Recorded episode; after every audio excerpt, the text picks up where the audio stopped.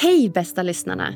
Jag hoppas ni är redo för ett avsnitt som tar upp lycka från ett lite annorlunda perspektiv. Jag upplevde mig själv bli mycket mer närvarande och sårbar än tidigare. Veckans gäst skalade av många lager av den offentliga Agnes och kom lite närmare in på djupet om vem jag är rent privat. Läskigt, men också kul. Jag älskar såna här filosofiska samtal med mycket djup i. Det utmanar mig, på ett bra sätt. Dagens gäst är ingen mindre än populära och aktuella Navid Modiri. Han kallar sig kreatör, artist, föreläsare och samtalsaktivist. Han har grundat mansgruppen Storebror som är ett forum för män där de kan vara 100% sig själva, utvecklas tillsammans och skapa gemenskap. Han är också författare till boken Stora syster som handlar om integration, flykt och utanförskap och arbetar ofta med samtalet som verktyg i det mesta han gör. Med ett filosofiskt perspektiv diskuterar vi idag vad lycka är för honom. Vi pratar om de mörka, djupa och svårhanterliga känslorna såsom ilska, rädsla, oro och ångest. Och Navid förklarar att de måste få finnas för att vi ska kunna uppleva glädje, lycka och kärlek. Navid förklarar hur han har lärt sig umgås med de här känslorna och hur han har lärt sig hantera dem på ett bra sätt. Ja, det här är ett helt sjukt spännande och lärorikt avsnitt som ni inte vill missa. Jag heter som vanligt Agnes Sjöström och den här podden presenteras i samarbete med hypnotication.com. Varsågoda!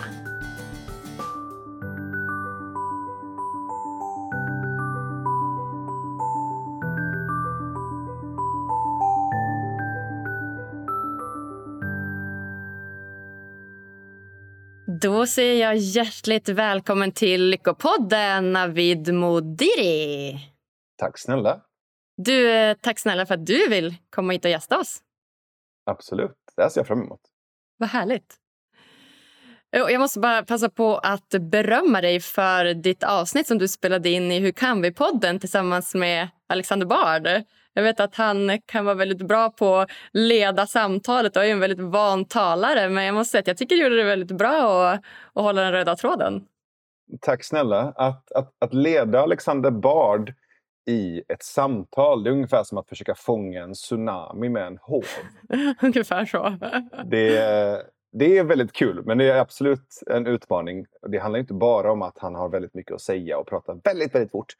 Utan också att eh, den där karln, hur liten han än må vara, har en otroligt stor energi och, och, och tar väldigt mycket plats på ett fantastiskt utmanande, rått och, och intellektuellt sätt. Jag håller inte alltid med honom. Men jäklar i mig vad svårt det kan vara att försöka få svar på en fråga när han har satt igång ett resonemang som han gärna vill dela med sig av. Mm. Men det var kul, det var en bra utmaning. Ja, ja men verkligen. Jag förstår det. Ja, jag har också kontaktat honom här och hoppas att han ska vilja gästa Lyckopodden någon gång framöver så jag får hålla tummarna. Kör hårt.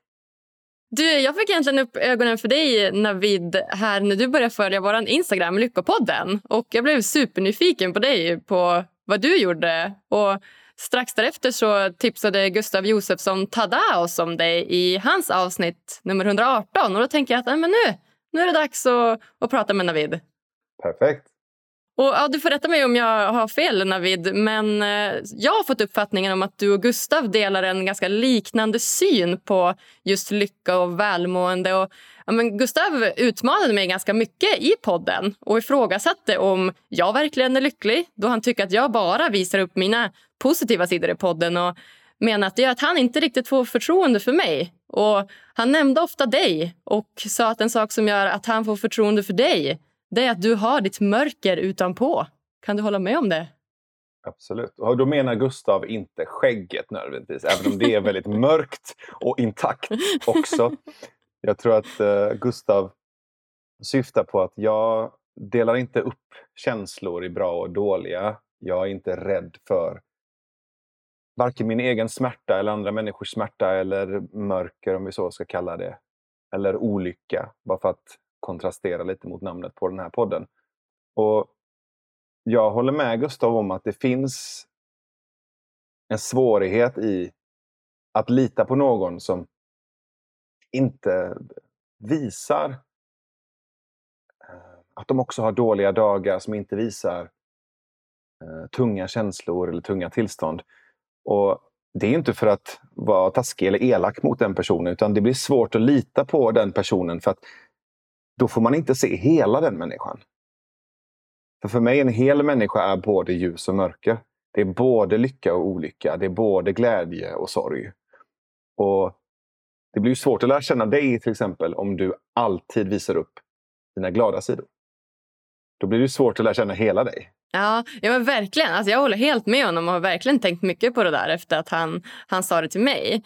Mm. Men, och det här är ju Lyckopodden och vi pratar ju om lycka ur ett, ja, men oftast ett positivt perspektiv och oftast så mycket med positiv psykologi i, i bakgrunden. Men det är också svårt att ha den förväntningen att, att det här är hela jag. Det är också svårt att se att så här, okay, jag spelar in en podd som heter Lyckopodden men det behöver inte vara hela jag. Absolut. Där har du en poäng. Mm. Samtidigt så är det svårt att prata om lycka om du inte pratar mörker. Om du inte pratar olycka. Mm. Då får du inte hela bilden av vad lycka är för någonting. Mm. Så min första nyfikenhet gentemot dig är ju, vad, vad menar du när du säger lycka? Vad menar du med Lyckopodden? Vad är det för definition du utgår ifrån när du pratar om lycka? Mm. Det är lite två olika saker för mig, vad, lycka, vad, vad jag tycker är lycka och, och vad Lyckopodden är. Mm. Lyckopodden för mig är ju en podcast som jag blev introducerad till för nåt år sedan och blev tillfrågad att bli programledare. Och Det passar mig jättebra eftersom att jag läser psykologi och jag läser mycket positiv psykologi och tycker det är superintressant. Mm. Och Jag tycker också att det fanns väldigt mycket poddar och mycket fokus på psykisk ohälsa och inte så mycket på psykisk hälsa. Och eh, det gillar jag, att belysa det perspektivet. Sen finns det såklart väldigt mycket problematik med psykisk ohälsa och det är klart att det ska belysas på många sätt. Men den här podden så väljer vi att fokusera på psykisk hälsa. Mm. Och vad lycka är för mig så skulle jag vilja säga att ja, men om vi ser på den vetenskapliga liksom bakgrunden, vad vetenskapen säger så i forskning, när man läser forskning så finns det oftast två sidor av lycka. Att det finns en mer generell nöjdhet eller välmåendenivå på livet. Till exempel hur vi bor, um, hur bra vi trivs med vår partner, vårt jobb, en liksom generell nivå. Och sen finns det ju lycka i form av lyckokänslor, i form av de här woho, yes, woo, känslorna när man är superglad. Det, och det var väl oftast den, jag tror att jag oftast är mycket i den känslan när jag spelar in podd. För för mig är det här en, en stor källa till lycka. Jag älskar den här podden. Jag älskar att prata med alla människor och då är jag oftast här uppe. Mm. Och jag tror att det var det som, som kanske Gustav reagerade på att jag var här när jag pratade med honom. Vad är lycka för dig, Navid? Mm. Jag tycker det är en väldigt bra ingång till ett samtal att fundera på lycka. Och jag är inte lika intresserad av svaret som jag är av själva samtalet om lycka. Och att, som jag ser det, som, som den här podden är som en farkost som utforskar en stor djungel för att ta reda på vad som finns i den här djungeln. Inte nödvändigtvis för att parkera. Och om den här djungeln då är lycka så sitter jag gärna i den farkosten tillsammans med dig och, och nyfikar runt både uppe på, på bergen i den här djungeln där man kan se ljuset och, och, och de vackra trädtopparna men också i de mörka djupen och grottorna där det finns psykologiska och känslomässiga skatter som du bara når om du vågar vara där nere riktigt, riktigt länge. Om du kan hålla andan riktigt, riktigt länge. Det är där jag tror många av de riktigt häftiga insikterna om lycka kommer. Genom att våga stå ut med det i oss som gör ont. Så jag tror, när du beskriver uppdelningen mellan att det finns poddar som bara pratar om psykisk ohälsa och så vill du skapa en podd som bara pratar om psykisk hälsa. För mig blir den uppdelningen, oavsett om det är åt ena eller andra hållet, så blir det halvt. Det skulle vara häftigt att ha en podd där du pratar både om psykisk ohälsa och psykisk hälsa. Där du pratar om ensamhet och gemenskap. Där du pratar om olycka och lycka samtidigt. Jag tror nämligen att det här pågår i oss varje dag, samtidigt. Jag tror inte du kan prata om lycka utan att prata om olycka. Jag tror inte du kan prata om olycka utan att prata om lycka. Och det är där jag på något sätt vill landa att lycka för mig är lika mycket ljus som mörker. För när jag vågar vara kvar i det som gör ont, inte för att älta, inte för att jag vill ha ont, utan för att umgås med det i mig som gör ont, så känner jag lycka efteråt. Mm. Ja, ja, men kul! Jag förstår helt vad du menar. Och det är oftast... Ja, men I den här podden så brukar jag antingen bjuda in rent professorer eller experter eller sådana som har forskat på lycka och i, i den vetenskapliga meningen. Eller så är det oftast någon som har mycket erfarenhet eller någon som har gått igenom kanske mycket eh, smärta eller olycka eller eh, inte vet jag, sådana som har varit med om massa dödsfall eller liknande för att få höra deras story. Mm. Men om du säger det här, alltså om du menar då att det här liksom djupet eller den här, vad ska man säga då, det här mörka sidan, den här, om du sitter i den här farkosten och, och, dyker ner lite grann i det här och att du pratar om att vi ska försöka vara i de här känslorna. Om du ska försöka utveckla det, vad innebär det för dig och hur gör man det? Det är en bra plats att börja på tycker jag. Tack. Det här är inte någonting som jag har gjort hela mitt liv. Det här är inte någonting som jag har en eh, enkel lösning på eller ett eh, facit eller en sån här IKEA-manual. Så skruvar du ihop din lycka! Det här är någonting som jag övar på varje dag. Um, jag har i min telefon, nu tar jag upp telefonen inte för att tappa närvaron i vårt samtal utan för att eh, se om jag kan hitta en grej här. Jag, jag har en, eh, vad ska man säga, en, en lathund eller en, eh, en checklista för jobbiga dagar. Mm -hmm. Så jag gjorde den. Jag ska se om jag hittar den här. Okej.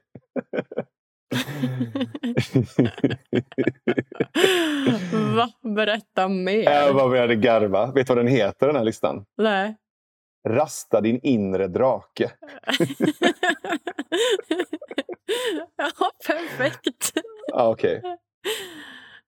Så det här är en lista som jag gjorde när jag kände att jag behövde stötta mig själv i att kunna uttrycka sorg och ilska och, och uh, mörker. Så behövde jag kunna göra det på ett uh, sätt så att jag fick ur mig det och utan att det landade på fel person eller utan att jag liksom, välte mitt mörker på någon som inte förtjänade det. Jag tror nämligen att om vi inte dealar med saker så, så, så liksom, så kommer de ut på andra sätt. Till exempel i eh, kommentarsfält på, på Facebook, i någon onödig diskussion eller på en kompis eller en partner som råkar säga någonting fel men som inte har förtjänat det och så får man ur sig sin irritation eller aggression på ett eh, mindre sympatiskt sätt. Eh, och jag gillar listor. Eh, så den här heter Rasta din inre drake på en timme. Det första du ska göra är att du ska ljudisolera dig för att det här kan bli högljutt. det andra du ska göra är att eh, du ska berätta för en vän att eh, idag har jag det tungt. Det är lite som i Vem vill bli miljonär? Du vet, ring en kompis. Just det. Trean heter Fuckrep. Mm -hmm. Det är som hopprep fast riktigt aggressivt. Okej. Okay. Hur går det till då? Att varje gång repet slår i marken så säger du fuck. Alltså du hoppar faktiskt hopprep? Du hoppar hopprep. Okay. Varje gång repet slår i marken eller i golvet så säger du fuck eller fuck off. Du får också skrika om du vill. Okej. Okay. Mm. Fyran heter dra åt helvete-träning. Uh -huh. Och det är alltså att du tränar samtidigt som du skriker. Okej, okay. så då helst ska du ha någon typ av eh, träningsredskap då i det här tysta rummet ja, också? Eller, eller göra armhävningar och sit-ups och, ja, och burpees och liknande. Ja. Femman är vråla in i en kudde. Mm. Sexan heter gråt för allt du har förlorat. Så fundera på alla människor du släpper taget om, allting som inte längre är som det brukade, alla delar av dig själv som du har förlorat. Och sörj det. Gråt som om det vore en begravning för allt du har förlorat. Mm. Sjuan är breathwork, eller andningsmeditation. Åttan är sitt i stillhet. Bara sitt fem minuter i stillhet. Nian är iskall dusch, tre minuter. Och tian är tacksamhetsövning, fem minuter. Wow, vad fint! Vilken, vilken lista! Jag kan skicka den till dig om du vill. Ja, men jättegärna. Vi kanske kan lägga ut den på sociala medier eller något också så lyssnarna får veta. Definitivt. Ja, kung! Tänkte du på det att den här listan var ju inte bara mörker?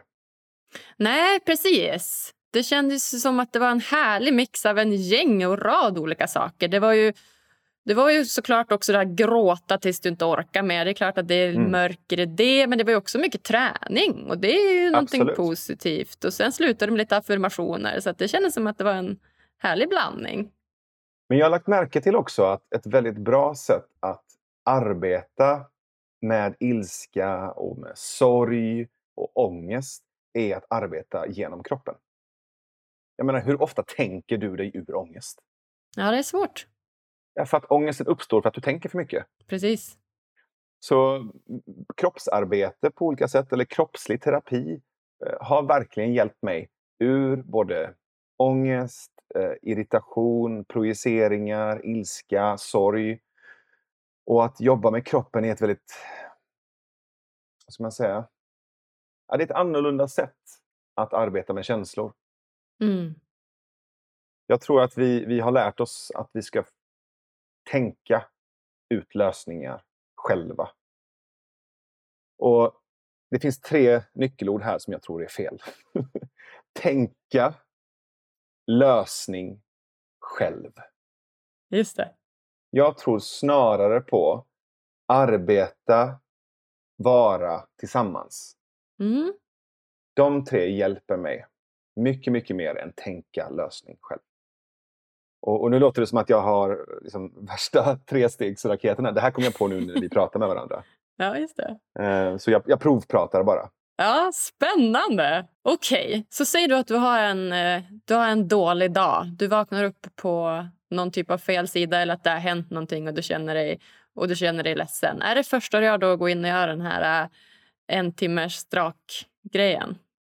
Får jag bara fråga dig en sak? Mm. Jag lägger märke till att, att när du beskriver den här dagen så säger du dålig dag och fel sida.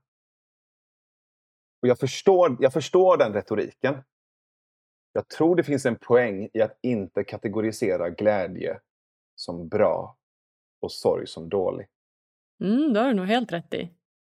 Ehm, och när jag, när jag säger såna här saker, när jag, när, jag, när jag uppmärksammar ord så gör inte jag det för att vara en besserwisser. Jag, jag vill verkligen Eh, understryka, min intention är att noggrannhet i språk spelar roll för mig.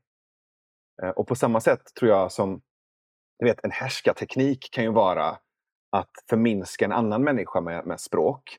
Så kan vi ibland eh, förminska oss själva med språk också. Hur skulle du vilja säga då? Utmanande. Du vaknar upp på ett, ett härligt utmanande humör.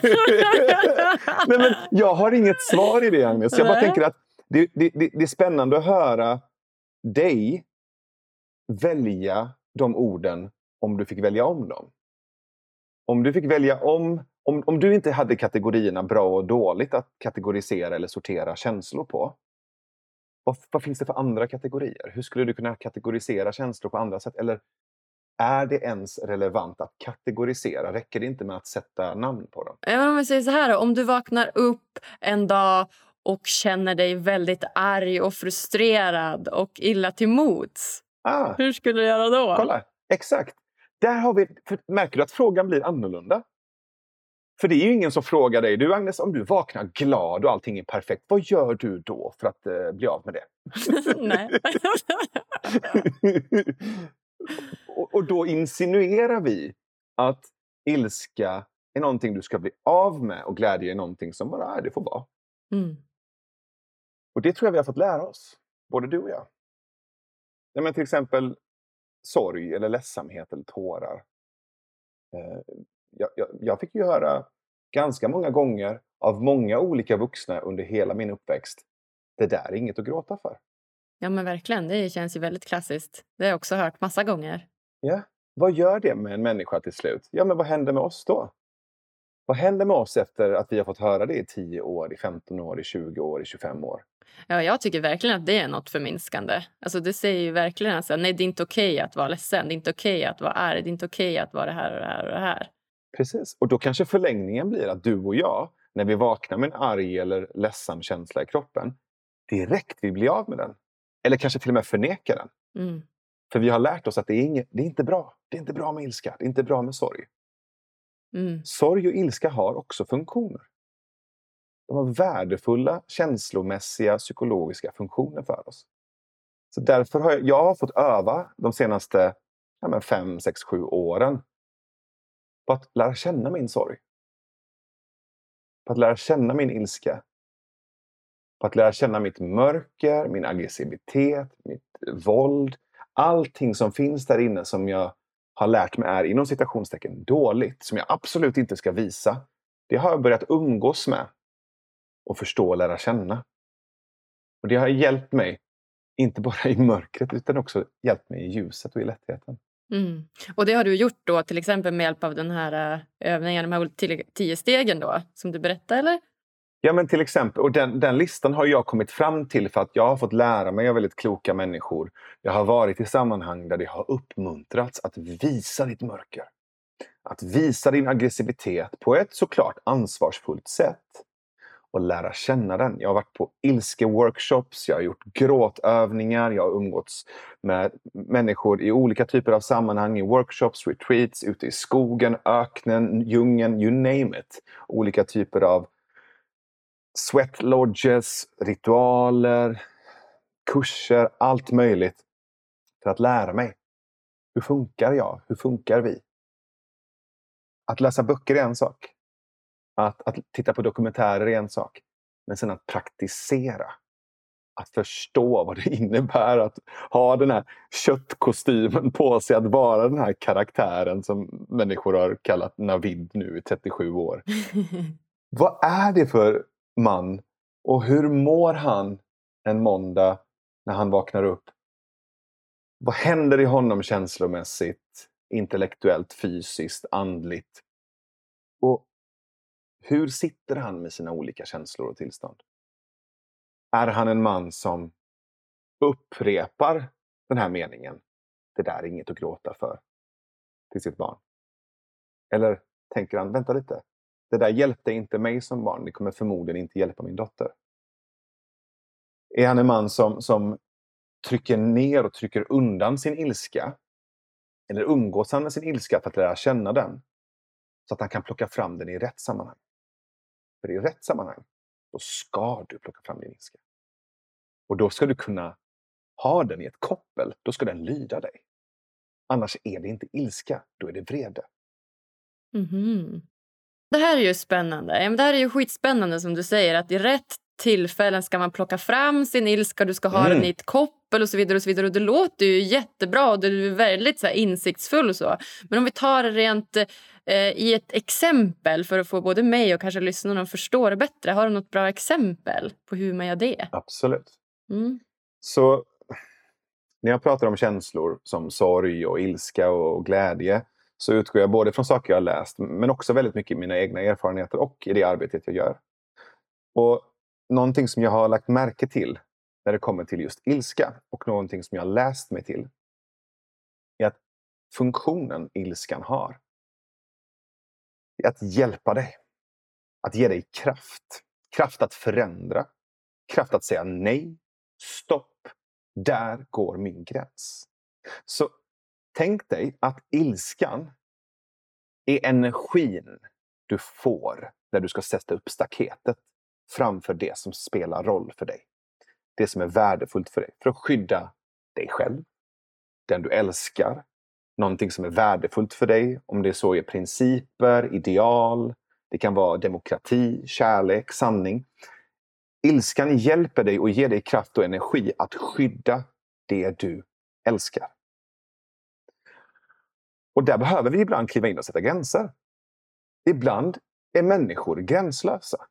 De går till attack, de är aggressiva i text, tal, fysiskt. Om du då inte kan skydda dig du älskar, då kommer du falla offer för de här attackerna. Det här är inte någonting du ska gå runt och göra hela tiden. det här är någonting du ska kunna använda medvetet. Men det finns ett gammalt ordspråk som är Hellre en krigare i en trädgård än en trädgårdsmästare i ett krig. En krigare i en trädgård, en trädgårdsmästare i ett krig. Om du väl behöver sätta gränser, om du väl behöver försvara någonting, om du väl behöver visa ilska, då ska du kunna plocka fram din krigare eller din krigarinna. Hon behöver inte vara påslagen hela tiden. Så låt mig ta ett konkret exempel. Säg en kollega kommer att störa dig när du sitter och jobbar. Agnes, jag vill att du hjälper mig med det här. Uh, Okej, okay, Bosse. Jag har inte tid just nu.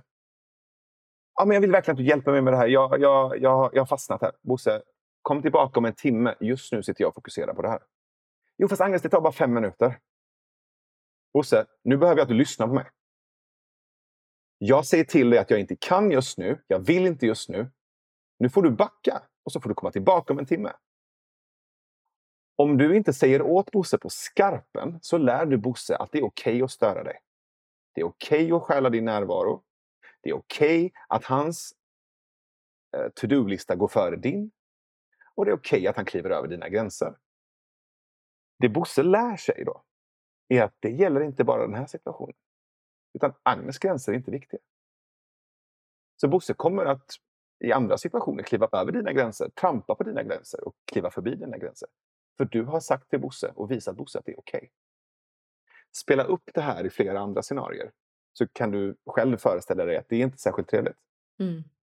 Nej, men verkligen. Det har du helt rätt i, det här med att sätta gränser. Alltså, det, är, det är jätteviktigt att lära sig att sätta gränser för sig själv såklart. Men det är inte så lätt. Det behöver inte alltid vara lätt att så här, vart går min gräns? Och Nej hur vet jag det? Och hur lär man sig vart sin gräns går? För att Ibland kan det ha ganska mycket att göra med liksom, tidigare dysfunktionella mönster till exempel. Säg att jag kanske blir... Ja, på Bosse då. Jag kanske har, har mycket tid men har lärt mig bara att så här, nej men jag ska inte hjälpa andra till exempel och att jag därför bara puttar bort Bosse. Mm. Mm. Eh, hur, hur gör man för att lära sig vart sina gränser går? Öva. Övar, övar, övar. Jag tror inte det finns någon enkel lösning där. Jag har övat. Jag tror att jag i början när jag lärde mig gränssättning. För jag är uppvuxen med en idé om att inte ha så mycket gränser. Jag har lärt mig att låta människor kliva över mina gränser. Att jag är ett verktyg. Jag är till för andra enbart. Det är inte viktigt vad jag känner, vill, behöver. Det har jag på olika sätt lärt mig av olika personer. Så det jag behövde lära mig i vuxen ålder var att sätta gränser. Och när, precis när jag började göra det, när jag började det arbetet, så var det som att jag byggde stora vakttorn, du vet, med vakter med så här kulsprutor och taggtråd och så här, tio pitbull-terriers vid varje vägg. Så där. Berlinmur runt hela mitt inre hus. Och det var ju överdrivet såklart. Mm. Men jag behövde börja där. För jag gick från noll. Och då blev pendeln väldigt stark åt andra hållet. Så i början så satte jag alldeles för hårda gränser. Och det är okej. Okay. Det var min resa. Det behövde göras så. Och idag så behöver jag inte det. Idag så har jag kanske en liten eh, grind. Ett litet staket. Och så kan man komma in och så säger jag ifrån. Jag är väldigt mjuk men väldigt, väldigt tydlig. Jag gjorde till exempel en övning som jag kan eh, dela med mig av. Ja, jättegärna. Eh, det här var kanske 2016. Så under hela det året så övade jag på att sätta gränser. Och då hade jag en övning som var att jag sa Jag vill inte. Mm. Utan att förklara. Utan att motivera. Utan att säga någonting mer. Och jag skrek det inte. Utan jag sa Nej tack, jag vill inte. Men varför då Navid? Jag sa det precis. Jag vill inte. Det räcker. Jag kan säga att det var rätt utmanande. Jag hamnade i, jag hamnade i väldigt, väldigt spännande samtal där människor blev så otroligt triggade, utmanade, arga, ledsna, irriterade. Du vet, rubbet. Ja. Och jag hade lovat mig själv att inte förklara mig. Jag Ja, vill inte. Gud, det, det tror jag räcker. fler behöver ta. Ja, det, tror, det räcker. Jag tror att fler behöver ta med sig den. Alltså, jag vill inte. Ofta så känner jag igen det själv också att man ska försöka snirkla sig runt situationen. Du vet. Eh, Om man inte vill typ, eh, inte vet jag, dricka alkohol så ska man ha en anledning till att jag kör, jag kör bil eller eh, nej, jag, vad det nu kan vara. Ja, så himla bra. Det tror jag många lyssnare kan ta med sig. Vad känner du själv när du hör det? Av att sätta gränser? Ja, men också precis att sätta gränser men också det här att bara säga jag vill inte utan att förklara det. Ja, nej, men jag tycker det är skitbra och jag känner väl att det absolut är något som jag själv kommer ta med mig och träna på. Det, jag tycker inte alls att det är självklart. Men nu, nu eh, gjorde jag en lite utmanande sak här eh, för några dagar sedan. Och det var förra, förra helgen så, så var jag och min pojkvän ute i hans pappas stuga här utanför Umeå på en ö. Jättemysigt. Och Mm. bara bastade och badade och hade det gött bara jag och han i fyra dagar. Eh, Men sen när vi kom tillbaka in till stan då kände jag verkligen att här, men nu behöver jag vara själv. Jag behöver verkligen vara Just själv. Ja. Och eh, då sa jag det till honom. Att så här, ah, men du, nu så behöver jag lite tid med me, myself and I här några dagar. Typ. Det har inget med något att göra, men vi hörs om några dagar. Det var utmanande. Mm. Vad fick du för respons? Helt fantastisk respons. Vi har ju pratat om det, att vi måste ju få den spacen. Och eh, nej, han skrev bara keep on shining, det är klart du ska göra det, älskar dig, vi hörs. Och så i morse så fick jag, det var några dagar sedan, och så i morse så fick jag ett eh, sms bara sådär, ha en fantastisk dag älskling, hjärta. Och sen var det som inget mer med det. Så det, Mm. det föder kärlek, det är det verkligen, att kunna sätta sina gränser. Bra karl. Eller hur? Ja, Absolut. Jättebra! Ja. Absolut. Ja, han lär mig mycket alltså. Och förhoppningsvis tvärtom. Vi lär varann. Och att han förstår att han förstår att det där är en investering du gör i dig och indirekt en investering du gör i er är ju fantastiskt. Mm. Det är det.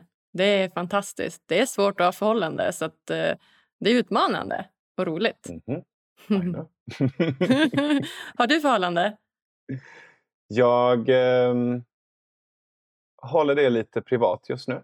Okej. Eh, men jag kan säga så här, jag är inte tillgänglig. Nej. Okej. mm. Och sen så eh, har jag valt att inte säga så mycket mer om det just för att jag har en väldigt offentlig persona. Ja. Eh, Men det jag kan säga är att jag känner igen mig i det du beskriver. Ehm, Jag känner igen mig i utmaningen i att vilja vara tillsammans hela tiden samtidigt som jag vill lämna utrymme men också få utrymme. Speciellt när du är förälskad eller nyförälskad i någon och du känner att fan, jag vill vara under din hud 24-7 samtidigt som du vet att det är inte jättebra Mm. att vi är det. Exakt. Och att ge varandra utrymme att skapa möjligheter till saknad och längtan. Men också ge mig själv den tiden jag behöver för att växa utan henne. Och den tiden jag behöver med mina andra nära, med, med min dotter, med mina vänner, med mina, med mina bröder som jag gör väldigt mycket psykologiskt arbete med. Jag menar när jag kommer hem och har jobbat fyra timmar med min mansgrupp. Det finns få saker som gör mig så levande. Jag vill inte att hon är med i den. Jag vill inte att hon är med där. Absolut inte. Mm. Ja, men verkligen. Du, eh, Navid, är du lycklig? Ehm, ja. Det är Det är det korta svaret. Ja, berätta mer. Varför då? Hur vet du det, att du är lycklig? Kolla. Jag är 37 nu. Jag älskar att leva. Och jag har aldrig känt något annat. Och jag skulle säga att jag har varit lycklig i 37 år. Det betyder inte att jag varit glad i 37 år. Det betyder inte att jag varit ångestfri i 37 år. Jag har haft djupa dalar. Jag har varit deprimerad. Jag lever med en PTSD-diagnos. Jag föddes rakt in i ett krig. Jag har flytt. Jag har haft föräldrar som har varit traumatiserade. Jag har varit mobbad, blivit slagen. Alltså du vet, rubbet. Alltså, det har varit så mycket våld och, och märkligheter inblandat i mitt liv. Och jag skulle inte ändra på en sekund av det. Jag skulle inte vilja ta tillbaka en enda dag av det. Det gör mig lycklig att kunna vara med alla de delarna, med alla de versionerna av Navid. Från den lilla mobbade på skolgården, slagna killen till den vuxna 37-åringen som sitter och pratar här med dig. Varenda årsring däremellan i stammen som är den här karaktären. Allt det där ingår. Och att allt det får ingå är det som gör mig lycklig. Mm, wow. Skulle du också säga då att du har varit olycklig hela ditt liv? bra! Bra följdfråga. Nej, jag har inte varit olycklig hela mitt liv, men jag har definitivt lärt mig hur sorg känns och hur ilska känns och hur våld känns och hur ångest känns. Och hur det känns att inte kunna kliva upp ur sängen. Jag har haft långa perioder av både depression och, och meningslöshet där jag bara legat i en säng och inte kunnat gå upp. Och inte orkat höra av mig till någon för att jag skämts så mycket för att jag känt mig som en liten patetisk, äcklig kackerlacka.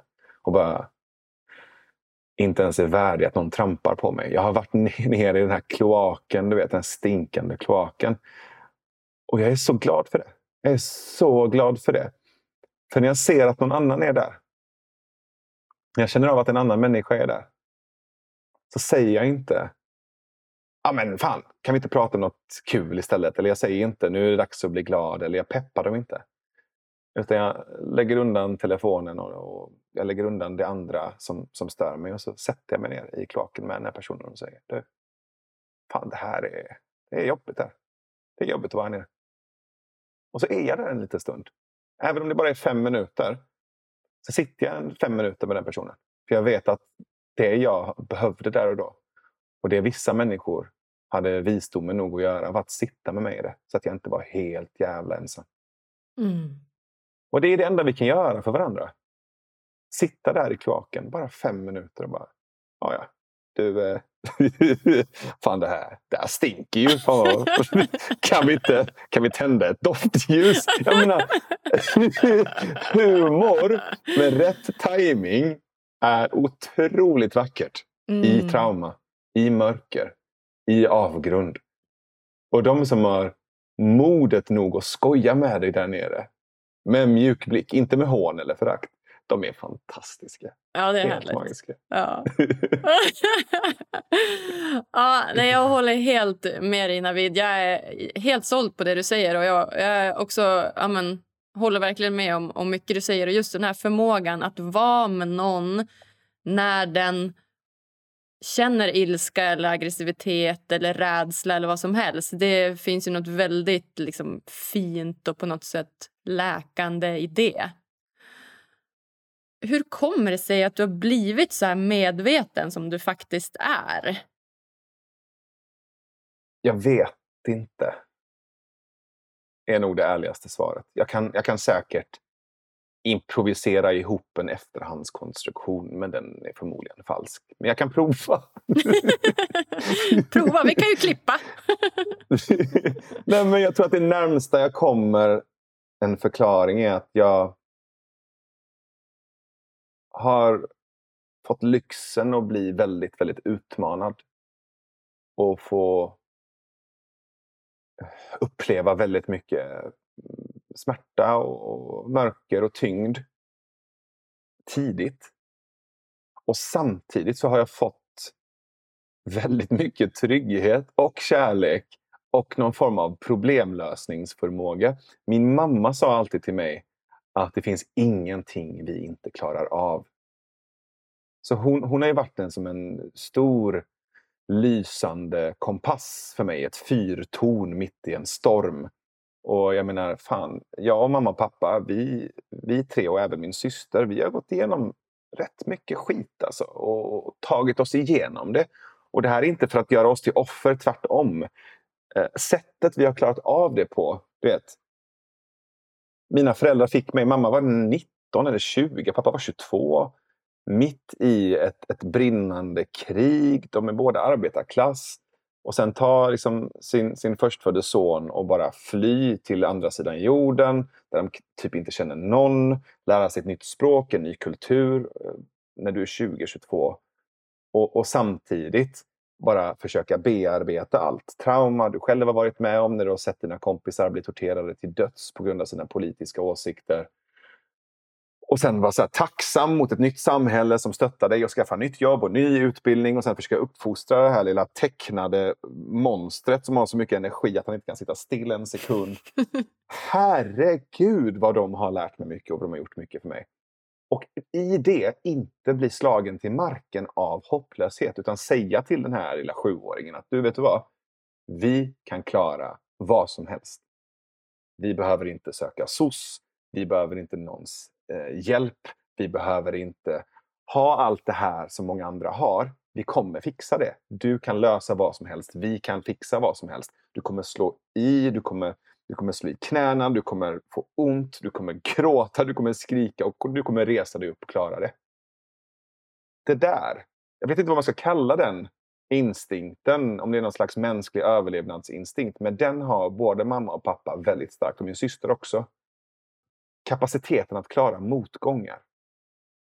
Mm. Um, och nu när, när, när coronan slog till, jag pratade jättemycket med både mamma och pappa tidigt.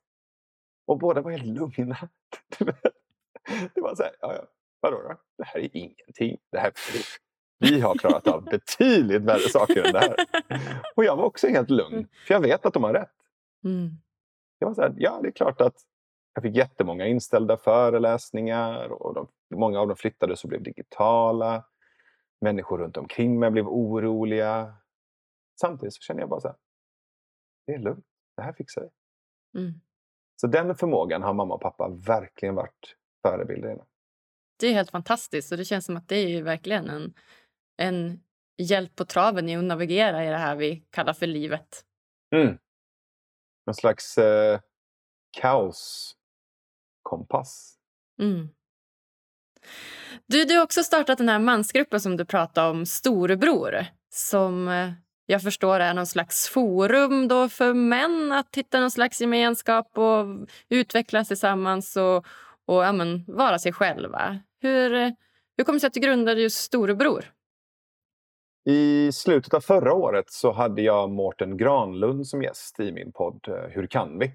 Och vi pratade om eh, mäns psykiska hälsa, vi pratade mansarbete, alltså män som jobbar med sin egen utveckling.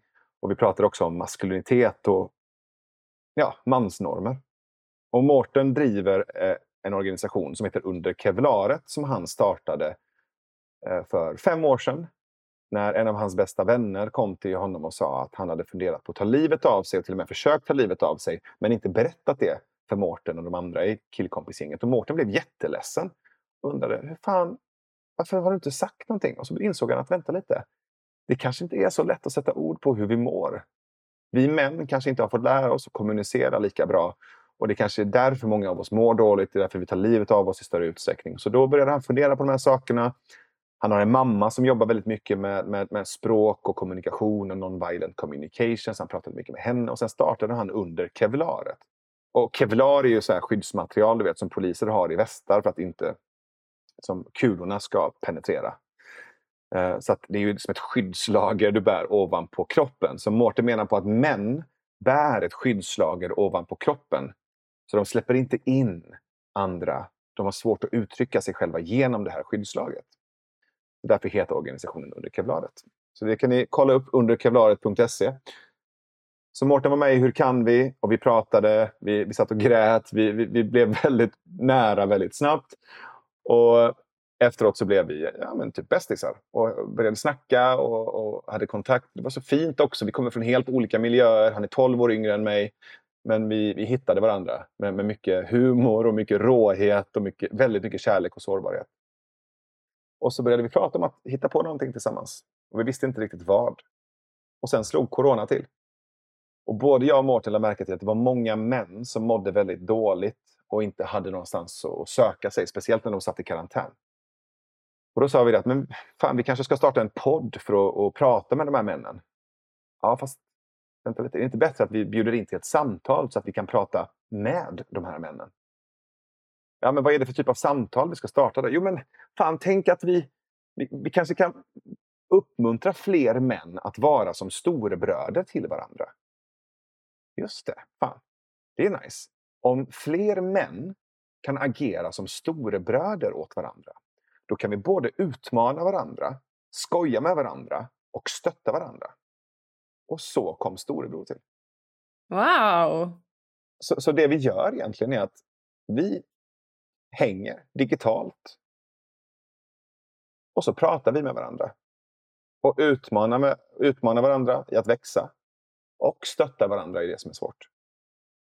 Det är jätteenkelt, det kan låta flummigt och konstigt men det är inte det. Det är alltså män som träffas digitalt och stöttar varandra till att växa. Och i den här stöttningen så ingår såklart både kärlek, humor men också väldigt mycket råhet. Mm.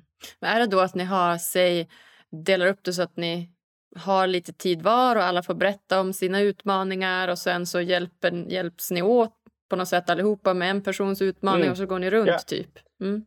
Det är så vi brukar börja. Mm. Vi brukar börja med att checka in. Och incheckningen brukar ofta handla om vad som är utmanande just nu. Mm. Och sen utifrån det så, så blir det samtal som jag och Mårten och, och de andra i teamet, eh, Tobias och Mauri och Jonas, leder. Och sen så har det skapats som mindre samtal i Storebro också. Vi har en Facebookgrupp nu där alla som har varit med på samtalen får vara med i Facebookgruppen. Så det börjar med ett stort samtal som vi har varannan vecka. Och där är det mellan, nu är det snart 100 man med på det samtalet. Så att det första du gör är att du är med på det här samtalet. Vi kallar det för vardagsrummet. För att du kommer in till ett stort vardagsrum. Det är mycket energi, högt i tak. Vi skojar och tramsar och håller på och busar med varandra.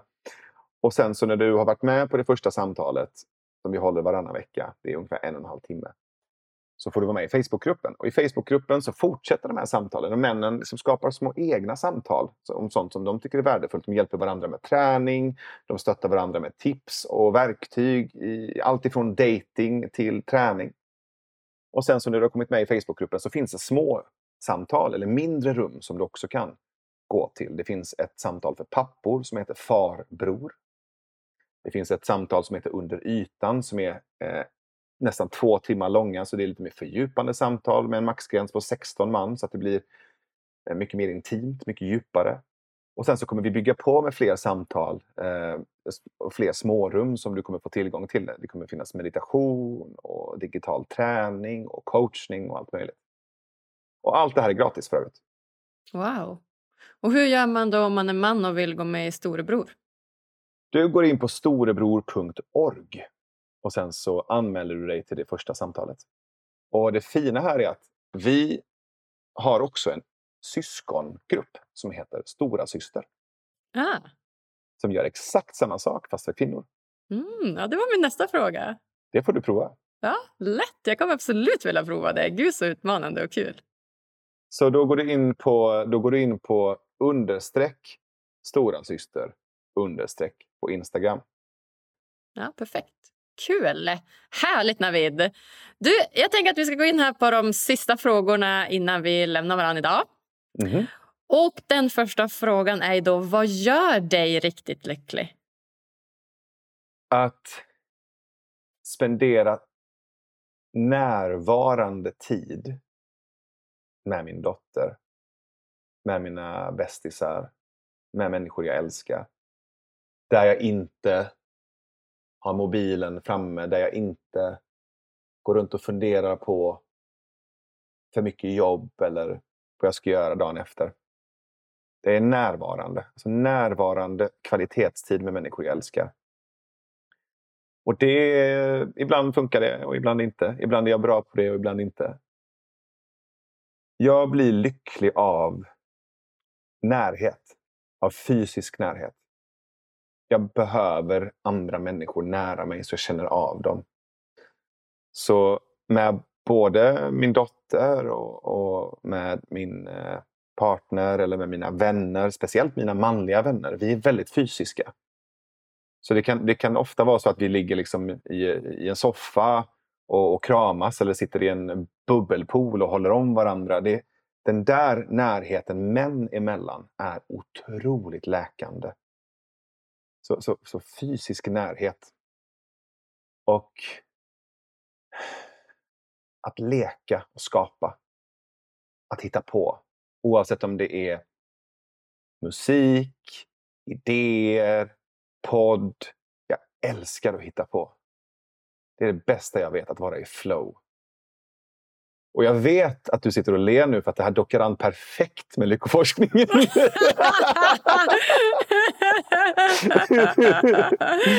du hör ju själv, det är du som forskare själv.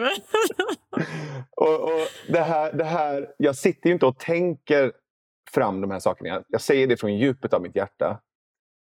Och samtidigt så hör jag mig själv säga det och inser att det här är ju ett textboksexempel på vad både lyckoforskningen och på den positiva psykologin säger. jo, det är det. Det är ju det. Du är inne på flow. Det älskar vi att höra, vi som är djupt inne i psykologin. Närhet, närvaro och flow. Jag tror att det här är tre grundkomponenter i, i eh, lyckoforskning och i flowforskning och i eh, positiv psykologi. Och när det kommer till just närvaro så tror jag att det finns en andlig aspekt av det också. För att inom buddhismen och inom andra världsåskådningar och, och, och, både filosofiska inriktningar och religiösa inriktningar så finns den här idén eh, närvarande. Just att inte älta det som har varit, det du har bakom dig och inte oroa dig inför det som kommer. Det vill säga att vara i stunden hjälper dig att vara lyckligare. Närhet är ju inte bara oxytocin och biokemiska processer. Det är också motsatsen till den där kloaken. För i kloaken så är du ensam. Och att vara nära någon, att känna en annan människas axel eller omfamning, det ger ett lugn på cellnivå. Det påminner förmodligen kroppen om när vi låg i de där grottorna och plötsligt så låg alla... Vi, har ju inte legat i sängar ensamma särskilt länge. Vad fan, det är ju de senaste tiotals åren. Vi har ju legat i en stor grop. Liksom. Vi har legat huller om buller för att vi ska känna av resten av flocken. Och det, det är fortfarande... Det sitter i våra celler, i våra kroppar. Mm. Och sen flow. Och den har jag svårt att förklara. Jag vet inte fan vad det där är för någonting. jag förstår inte, men det gör mig genuint lycklig. Ja. Ja, men i vetenskapliga termer så säger man ju när man är i ett tillstånd bortom tid och rum. Ja. Yeah. Och det är väl det, det närmsta eller ja, längsta jag kommer till att förklara det också. Absolut. Och det kan jag uppnå via träning och meditation och yoga också. Men det jag pratar om är att skapa någonting också. Mm. Så att flowet är jag helt med på att det är upplösning av tid och rum.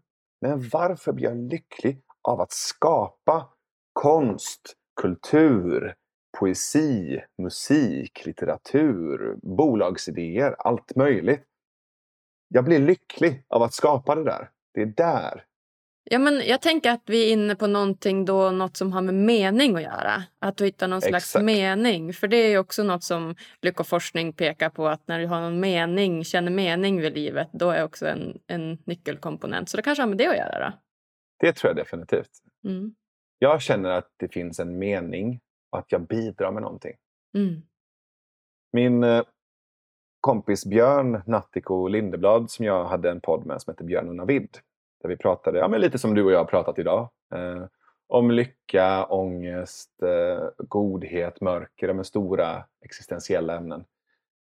Björn brukar ofta säga att meningen med livet är att hitta din gåva och ge bort den där finns det någonting också lyckoskapande. Verkligen. Dels att hitta din gåva, förstå vad är det som är meningsfullt för mig. Men sen ge bort den, alltså att få bidra till någonting som är större än mig. Ja, så vackert. Om eh, du fick ge lyssnarna en utmaning som de kan göra varje dag för att bli lite lyckligare, vad hade det varit då? Skapa en morgonrutin som du gör varje morgon. Det har gjort mig till en lyckligare människa och till en bättre pappa, bättre partner, bättre kompis på alla nivåer. Ja, kan det handla om vilken rutin som helst eller ska du ha någon speciell riktning? Nej, men bara börja med vilken rutin som helst. Uh, gör, gör, din grej. Jag vill inte claima att jag har en perfekt morgonrutin, även om min morgonrutin är jävligt bra. ja, då kan vi inte klara oss utan den, Navid. Berätta, vad har du för morgonrutin? Okej, okay. här är min morgonrutin. Den är lätt att komma ihåg och den är lätt att börja med för den är inte särskilt lång. Sju minuter pulsträning, typ hopprep. Sju minuter fysträning, typ armhävningar, situps, burpees. Sju minuter yoga. Sju minuter breathwork.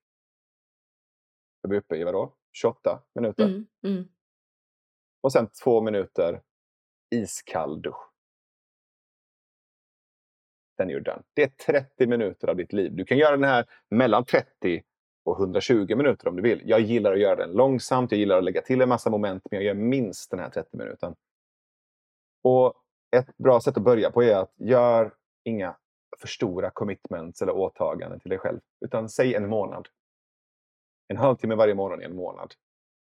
Jag lovar du kommer bli en lyckligare människa. Om du inte blir det så hör av dig till mig så kommer jag kompensera dig för det. Vad härligt, det är ju perfekt. Ja. Eh, vem hade du velat ska gästa Lyckopodden? Alexander Holmberg. Just det, just det. han har du tipsat mig om en gång. Ja. Jag har tipsat dig om honom innan. Alexander Holmberg är en sån där karaktär som eh, jag blev tipsad om att jag skulle träffa tre gånger av tre olika personer på samma vecka. Oj! Och då tänkte jag att ah, nu är det någonting som försöker säga mig någonting. ja. Så vi träffades, det tog fem minuter innan vi satt i knät på varandra, höll om varandra och grät och sa jag älskar dig. wow, vad underbart! Ja, men absolut. Det är klart att jag och Alexander ska få till någonting. Och, och för er som inte vet vem Alexander Holmberg är, googla honom. Eh, han kommer starta en podd snart som jag har hjälpt honom med som heter Alex coachar en människa. Han är coach och ledarutbildare. Och han är bra på mörker och ljus samtidigt. Spännande. Spännande. Det är klart han ska vara med. Mm. Det är klart han ska. Om man vill komma i kontakt med dig då, Navid, hur gör man då? Jag tror att jag kan vara en av de lättaste personerna som går att googla. Så gå in på google.com och så skriver du Navid Modiri. Och det kommer komma upp allt möjligt från hur du provar att äta kattmat till att spela golf med Jimmy Åkesson, till att jag har varit i mediadrev, startat bolag, vunnit priser, gjort musik, rubbet. Så beroende på vilken del av mig du vill lära känna så kan du klicka på olika typer av länkar. Jag finns på Spotify, jag finns på Youtube, jag finns överallt. Du kommer vara trött på mig. och, och vill du gå in på min hemsida så är det navidmodiri.com och vill du skicka ett mejl till mig så är det navid Ja, men då är jag supernöjd. Är det något du känner som eh, slutligen du vill eh, säga till lyssnarna eller dela med dig av som vi inte har hunnit prata om? Jag vill påminna dig som lyssnar om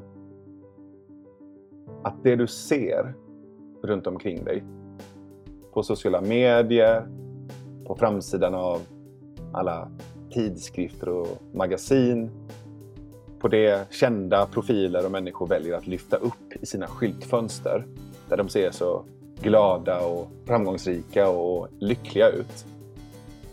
Det är inte sant. Alla mår blandat. Alla har ångest. Alla är trötta. Alla är äckliga. Alla är okammade. Alla är små. Alla är barnsliga. Alla är töntiga. Alla är otillräckliga. Alla är osäkra. Köp inte skyltfönstret. Ja, det går ju inte att påminna nog om det i den här sociala medievärlden. Mm. Ja, fantastiskt Navid. Jag säger bara tusen, tusen miljoner tack för att du kom och gästade oss här på Lyckopodden. Tack själv Agnes. Tack för ett fantastiskt fint samtal. Jag uppskattar det.